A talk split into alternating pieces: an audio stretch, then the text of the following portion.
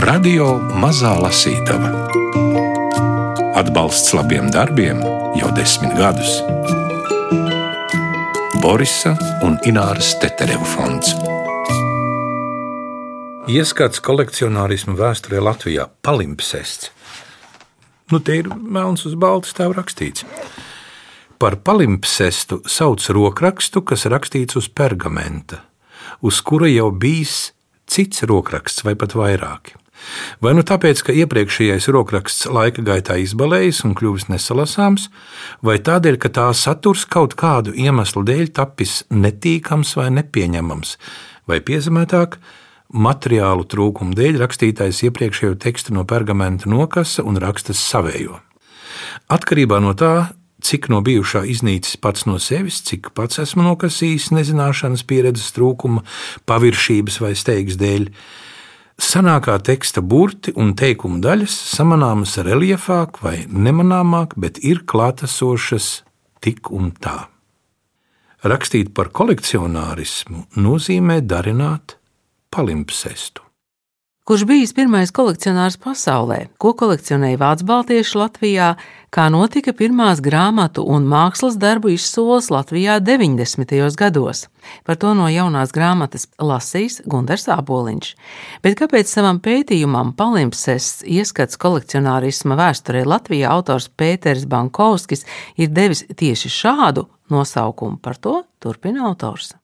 Man tas nosaukums vienkārši likās piemērots tāpēc, ka ka runājot par tēmu, par ko ir šī grāmata, nāks saskarties ar līdzīgām problēmām, ne tehniski līdzīgām, bet pēc būtības kaut kādā ziņā, ka teksti klājās viens otram virsū. Tekstu atliekas, kaut kādas atmiņas, spriedelējumi, priekšstati, kaut kādi tādi bieži vien galīgi neargumentēti vai kaut kā tā. Un eh, saskatīt, kas zem katra slāņa kaut kas cits apakšā, to kādreiz nākās diezgan grūti. Un es izvēlējos vienkārši tādu veidu, šo kompilāciju veidojams, ka es ļoti daudz izmantoju autentiskus tekstus no konkrētā laikmeta, par ko ir tajās lapusēs rakstīts. Un tad klāt kaut ko pieķibināja, tur, teiksim, citu, vai ne? Un daudz nebēdājums par to, ka tie teksti citētie vai kaut kā savādāk izmantotie varbūt ir anahroniski vai, teiksim, pagrūti saprotami vai neizpratni uzņemam kaut kā tā apmēram, lai būtu tāds, tā, tāds daudzkārtains pīrāgs, kur katrs var ķeksēt ārā, ko viņam izdodas tur atrast. Pirmsākumi. Apgalvojums, ka pirmais kolekcionārs, kura vārdu saglabājusi cilvēces vēsture, ir desmitais un pēdējais, pirms plūdu laikmeta patriarhs Noā, vai Noās, kā viņu mēdz saukt, var šķist kā tāds eh, salonprāša izmests jociņš bet ielūkosimies kādā nopietnā dažādiem kolekcionēšanas problemātikas aspektiem veltītā akadēmisku rakstukrājumā. Tā sastādītāji un redaktori, britu vēsturnieks Džons Elsners un Rodžers Kardināls, ievada piezīmēs raksta: Noā bija pirmais kolekcionārs. Ādams deva dzīvniekiem nosaukumus, bet Noā pienākums bija tos savākt. Ved sev līdzi šķirstā pa diviem no visa dzīvā, no visas miesas tēviņu un mātīti, lai dzīvo. No debesu putniem katru pēc sava veida, no lopiem katru pēc sava veida, no visiem, kas rāpo pa zemi, katru pēc sava veida, pa divi no katra, lai nāk tev līdzi un dzīvo. Tas no pirmās mūzes grāmatas. Kad draudu pasaules plūdi, ir jārīkojas zibenīgi. Viss nepamanītais vai piemirstais tiks zaudēts uz visiem laikiem. Starp iekļaušanu un neiekļaušanu nav iespējamas nekādas starpstadijas. Kolekcija ir unikāls cietoksnis iepratī laika plūdumam. Un Noā iespējams vienīgais no visiem kolekcionāriem sakrāja pilnu komplektu. Vismaz tā mums liek ticēt Bībeli. Te sastopamies ar vākšanu pārākajā pakāpē. Tā nav parasta krāšana, bet gan apzināta paglābšana no iznīcības. Kolekcija kā izglābšana. Sarunā par kolekcionārismu un tā vēstures pētījumiem piedalās arī mākslas zinātniece Kristiāna Ābele. Man gribētos atgādināt arī to, kas ļoti būtiski un dažos Latvijas vēstures periodos saistībā ar kolekcijām ļoti pārliecinoši izpaužas. Ja mēs atceramies 19. gadsimtu ar tā laika zinātniskajām biedrībām, ar kurzemes literatūras un mākslas biedrību, kurzemes provinces muzeju, arī ar eh, senatnes un vēstures pētītāju biedrību Rīgā, es domāju, ka daudzi no tā laika kolekcionāriem būtībā. Nu, tas kurzemes provinces muzeja krājums jau veidojās no novēlējumiem un dāvinājumiem. Viņi pirka, vāca, pētīja ar domu, ka viņi tagad izglītosies, viņi baudīs, viņi priecāsies, bet pēc tam tas paliks, tas nonāks un saglabāsies pēctecības veidā caur šo muzeju. Jau ar tādu domu, es domāju, viena daļa no viņiem arī, arī. Uh, savus krājumus veidoja. Un tie bija gan mužnieki, gan Jāgaus izglītotā pilsonība un vēl citi. Šis e, izzinošais, izglītojošais aspekts un doma, kā to padarīt e, par e, pieejamu sabiedrībai un nākamajām paudzēm, arī bija svarīgs. Mēs nevaram to salīdzināt grūti. 19. gadsimta vācu baltiešu izglītoto sabiedrību ar jebkuru citu sabiedrību, jo tā bija sava veida tādas no mūsdienu skatiem raugoties tāda dažos aspektos pat ideāla vai idealizēta sala, tāda, teiksim, kuras vairs nav. Viņi ir pazudusi bez pēdām. Teiksim, tā kultūras vide, kas te bija, kā to Imants Lansmans nevienreiz vien ir teicis, un es ar to tur esmu pieminējis.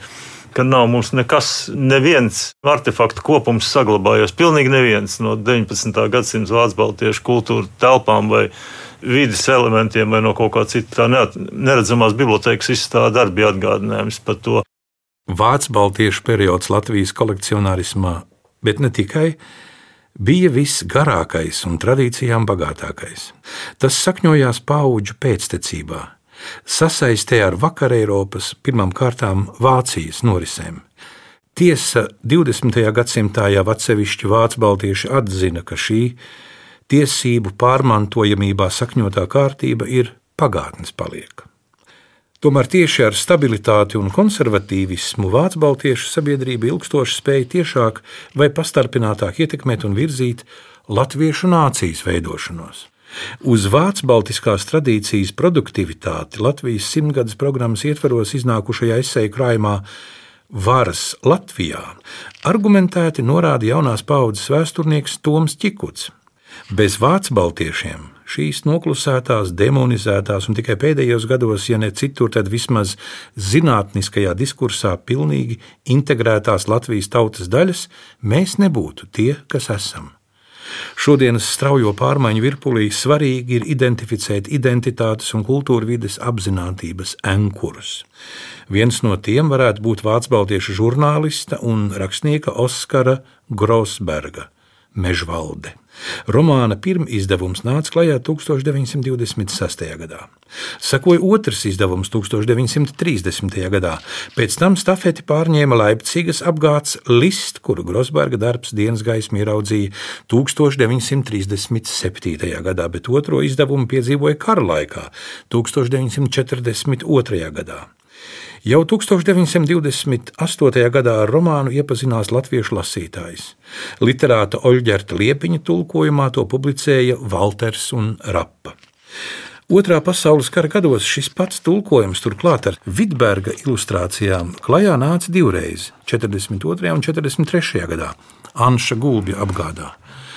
Visbeidzot, gan uzrādot citu tulkotāju, Jāni Krūmiņu, Grosberga romānu 2005. gadā izdeva apgādes Harro von Hirschheit aizputē.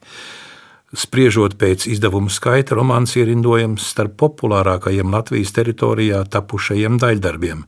Tajā poētiski, vienlaikus saglabājot realistisku distanci un nevairoties no labsirdīgas maida, tēlots dzīves ritms tipiskā vidzemes mūžā cilvēks bieži vien, varbūt nevienmēr, bet pietiekami bieži, gan tolaik, gan tagad, sāk kolekcionēt gan, teiksim, dzimtas tradīciju, uzturēšanas vai merkantīlu kaut kādu iemeslu vai kaut kā citu pēc. Un tad, atkarībā no sava, teiksim, inteliģentā gara uzstādījuma, viņš var kļūt par, ja ne zinātnisku pētnieku, tad pazinēja, vismaz par pašdarbības pazinēja. pētnieku kaut kā tā vai ne, un virzīt to lietu uz priekšu. Un tas notiek pietiekami bieži, gan to laiku, gan tagad. Tā ziņā agrāko laiku kolekcionārs no mūsdienu neatšķiras, jo tas var notikt. Nu, te mēs esam nonākuši jau šodienām, tie 1987. gads. Juku laika man šķiet sākas. Pārmaiņu laiks. Var saukt arī tā. No stingra kārtības uz lielām jukām.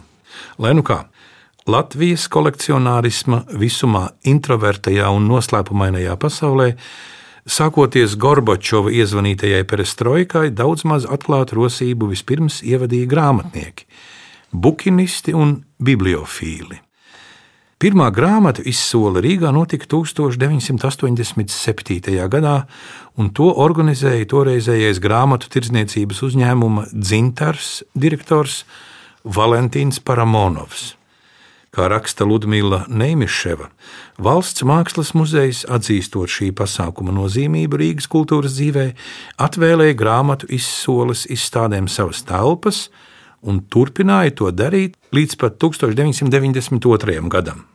Nozīmīga loma pirmo grāmatu izsoļu sarīkošanā bija Konstantīnam Beloglāzovam.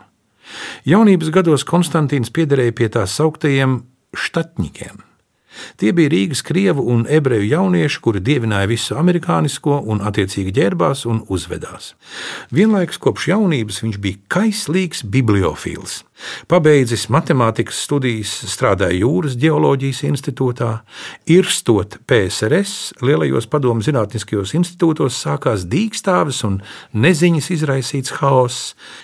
Beloglāzovs nu varēja apvienot uzturēšanos institūtā ar darbu antikvariātā planēta Tērbats ielā. Šī iemesla dēļ viņš kļuva par prototipu vienam no galvenajiem varoņiem Rīgā dzīvojošā kolekcionāra un bērnu grāmatu autora Staņislava Rubinčika garstāstā Ceļa somā atrastais rokraksts. Kad tika rīkot pirmā grāmatu izsole, Konstantīnu, kā zinošu ekspertu, pieaicināja par konsultantu. Paralēli sāka rīkot arī pirmās mākslas darbu izsoles. Vienu no pirmajām Latvijas Mākslas akadēmijas telpās sarīkoja toreizējais Latvijas kultūras fonds. Tajā piedāvāja kulta upuru piemiņas memoriālam ziedotus darbus.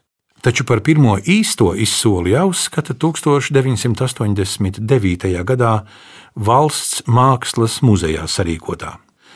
Antikvārs un kolekcionārs Viktors Stāņins Kā šodien atceros, stāvējām ar Ēriku Joelsonu pie Valtera un Rapas, toreiz vēl centrālās grāmatnīcas, un runājāmies.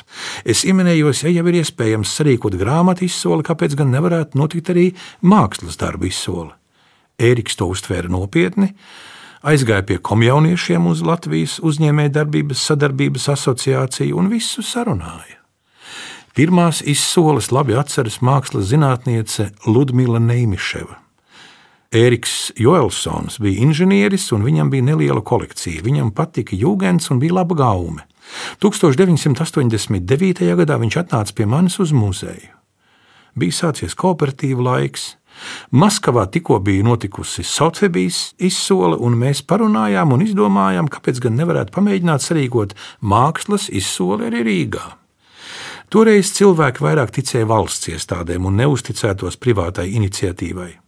Pie mums jau bija notikušas pirmās grāmatu izsoles, bija vēlme izmēģināt kaut ko jaunu, nebijušu. Formāli izsoli organizēja komjaunieši. Toreiz tie bija visaktīvākie. Vēl tagad no toreizējiem aktīvistiem Latvijā darbojas Hendriks Danusevičs. Mēs ar Eriku Joelsenu atlasījām darbus, un muzeja telpās notika atlasīto darbu izstāde un pirmā mākslas izsole. Otrā izsole tika organizēta kopīgi ar Baltslāvu biedrību un ar pareizticīgās baznīcas svētību. Tā bija ikonu izsole. Trešo ar muzeju saistīto izsoli rīkojām kopā ar Viktoru Astāņinu. Mūsu sauklis toreiz bija, kas nav aizliegts, ir atļauts. Mēs vēl bijām jauni un traki. Arī mēdīji bez maksas labprāt reklamē visu nebijušo. Atceros, kā mūsu pirmo izsoli reklamēja Emīls Meškūns, toreiz ļoti populārs TV žurnālists. Un jā, visas pirmās izsoles bija ļoti veiksmīgas. Tad izsoles sāka rīkot citi, un muzejs vairs šādās spēlēs nepiedalījās, jo uzskatījām, ka mēs savu uzdevumu pārejas laikā esam izpildījuši.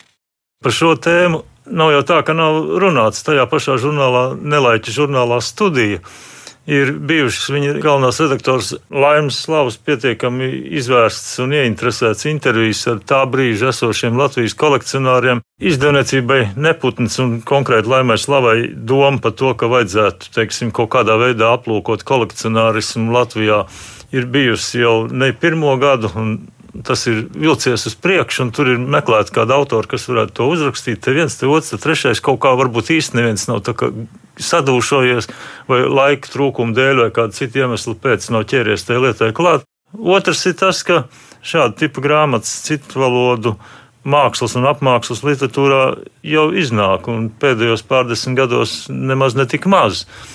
Kolekcionārisms kā fenomens ir sens un nepārējošs un nebeigsies arī. Vienmēr būs cilvēki, kas kaut ko krās un nenoskārstē vajadzībai, paši nezinādam, bieži vien kāpēc viņi to dara. Nu, te tas ir, vai ne? Pētera grāmatā varbūt pamata atziņa ir, ka kolekcionārs ir galvenais, kolekcija ir atvesinājums. Būtībā viņa aplūkojuma centrā ir kolekcionāra personība un kolekcionārisma fenomens. Latvijā saistībā ar atsevišķu kolekciju vēsturi, ar mākslas darbu piedarības vēsturi, ar dzimtu vēsturi, ar dzīves vides vēsturi. Daudz kas ir pētīts, bet tāda aptveroša pārlūkojuma nav bijis. Kā ļoti skaistus piemērus nesenā pagātnē var atgādināt, eh, piemēram, Inas Līnes un Daņa Bruģa veidoto grāmatu un izstādi liecinieki par eh, mūžu un piļu interjeriem 19. Eh, gadsimtā un 20. gadsimta sākumā, uzburot pētnieciski un mākslinieciski šo laikmetu caur izdzīvojušiem priekšmetiem un to stāstiem. Tas brīnišķīgs piemērs pavisam nesen e, izstāde un e, pētījums Neredzamā biblioteka, kur patiesībā atklājas daudzas jau zudušas bibliotekas, kuru mantojums eh, kopumā un fragmentāri ir nonācis Latvijas Nacionālajā bibliotekā, un pētniece Kristīna Zaļuma, pētot grāmatu vēsturi, arī nonāk pie to bijušiem īpašniekiem, gan eh, organizācijām, eh, gan ģimenēm. Un tādējādi atklājas daudz plašāka pasaule. Protams, mūsu Latvijas mākslas vēsturē arī krājdarbība, mākslas darbu kolekcionēšana, gan privāta, gan publiska, mākslas tirgus jautājumi ir svarīgi. Tieši šajā ziņā es arī esmu šeit saistībā ar 19. gadsimtu un 20. gadsimtu sākumu šai pētniecības laukā iesaistījusies un arī pievienojusi zināmajam šo to nezināmu. Tādā ļoti tiešā veidā Pētera grāmatā saskara ar maniem pētījumiem ir vienā laikmetā un divās ļoti konkrētās epizodēs, tādos likteņstāstos, un, protams, ir vēl e, daudz citu iespēju. Tā kā ietvari, kādā lūkoties uz kolekciju vēsturi, ir dažādi. Viens no galvenajiem un visvairāk uh, izvērstajiem arī pie mums ir uh, mākslas darbu kolekcija piedarības vēsture, ko mūsu tagadējais mākslas muzejs Rīgas bieži ir jau vairākus gadu desmitus rūpīgi kopis, izzinot savu krājumu izcelsmi un uh, arī ar tiem saistītās personības. Pētera centrā ir personība, un daudzos gadījumos pat atstājot otrajā plānā, ko viņš ir vācis, bet gribot saprast, kāds viņš ir bijis. Man domas ir dažādas. Jā, es lasīju milzīgu aizrautību. Grāmata ir, lai nenobīstas no nopietnā, skaistā, bet nopietnā izskata lasītāja. Tā ir ļoti viegli lasām. Man bieži vien ir sajūta arī, ka Pēters dažādās izklāstu vietās viņš runā dažādās balsīs. Daudz vietas pazīst to Pēteru, ar kuru mēs bieži esam pārunājuši dažādus ar šo topošo pētījumu saistītus jautājumus. Citviet tas ir jau cits rakstītājs, vai tas ir apzināti vai neapzināti, es nezinu. Eh, bet grāmata ir ārkārtīgi interesanta. Protams, man lasot, kā cilvēkam, kas daudzus no šiem avotiem pazīst, citus savukārt atzīmē sev kā tādus, kas, ko, ko noteikti vai kur, kur vēl vajadzētu iedziļināties. Nu, jaunas informācijas ir ļoti daudz. Dažos gadījumos man liekas, ir kādi aspekti, kurus būtu gribējies vēl te ieraudzīt, vai varbūt pārlikt akcentu, atbildēt uz citu jautājumu. Bet materiāls ir ārkārtīgi intriģējošs. kaut ko iegūt priekš sevis. Un tālākais, vai tas kolekcionārs, teiksim, krāja kā maniaks un neapjēdz, ko viņš tur savācis. Ir, teiksim, es te pat varu tur rakstīt par tiem, kas saucās angļu valodā hoarding, tā vienkārši tā vākšana, teiksim. Vai, vai viņš vāc un pamazām vākdams pats kļūst par speciālistu un pazinēju vai viņš vāc pats nezinādams burtiski, kāpēc, piemēram, kaut kādas nu, alspūdēju korķīšas vai kaut ko tamlīdzīgu, un pamazam, pamazam viņš sakrāja tik daudz, ka rajona novada pētniecības muzejs sarīko korķīšu izstādi, piemēram, un tad viņš pats brīnās un sāk uzskatīt sevi par lielu meistaru apmēram kaut kā. Tas ir pilnīgi vienalga, vai tu dari šo, šā vai tā vai citādi, bet iekšā ir tas dzenulis, tā ziņa, teiksim, dabūt sev. Un to aizējām uz jebkuru mākslas darbu izsoli, teiksim, kurš tagad rīko vai nu teiksim, izsoļinams tur jēkabs vai tur vienalga kurš cits. Mēs redzam, ka tur tādi it kā parasti cilvēki, viņš atnāca varbūt nopirkt vienu bildīti, tur, teiksim, sievas mātei uz jubileju vai kaut ko tamlīdzīgu. Viņš domā, tur kaut kāda aina viņa dabūt vai kaut ko tādu. Bet kā viņš tur sēž un dīdās, teiksim, un seko līdzi, kā tas cits kaut kāds ar soli kaut ko. Tur parādās tā azartiskā būšana. Nu jā, un tāpēc iespējams arī teiksim, tur parādās manā tekstā tāds brīžiem tāds hauss un sagrābšana, viss kaut kā vairāk nekā vajadzīgs un ka pats netiek galā. Ne? Nu, tāpēc, ka manī ir tā tendence, un ja man būtu nauda, es noteikti būtu kolekcionārs. Ja viņam būtu nauda, viņš noteikti būtu kolekcionārs Pēters Bankovskis, bet pagaidām viņš pētījis kolekcionārismu vēsturi Latvijā. Grāmatu Palimpsests ieskats kolekcionārismu vēsturē Latvijā izdevis Neputns. Sarunā piedalījās mākslas zinātniece Kristiāna Ābele, lasīja Gundars Āboliņš. Radio Mazā Lasītava Atbalsts labiem darbiem jau desmit gadus. Borisa un Ināras Teterevu fonds.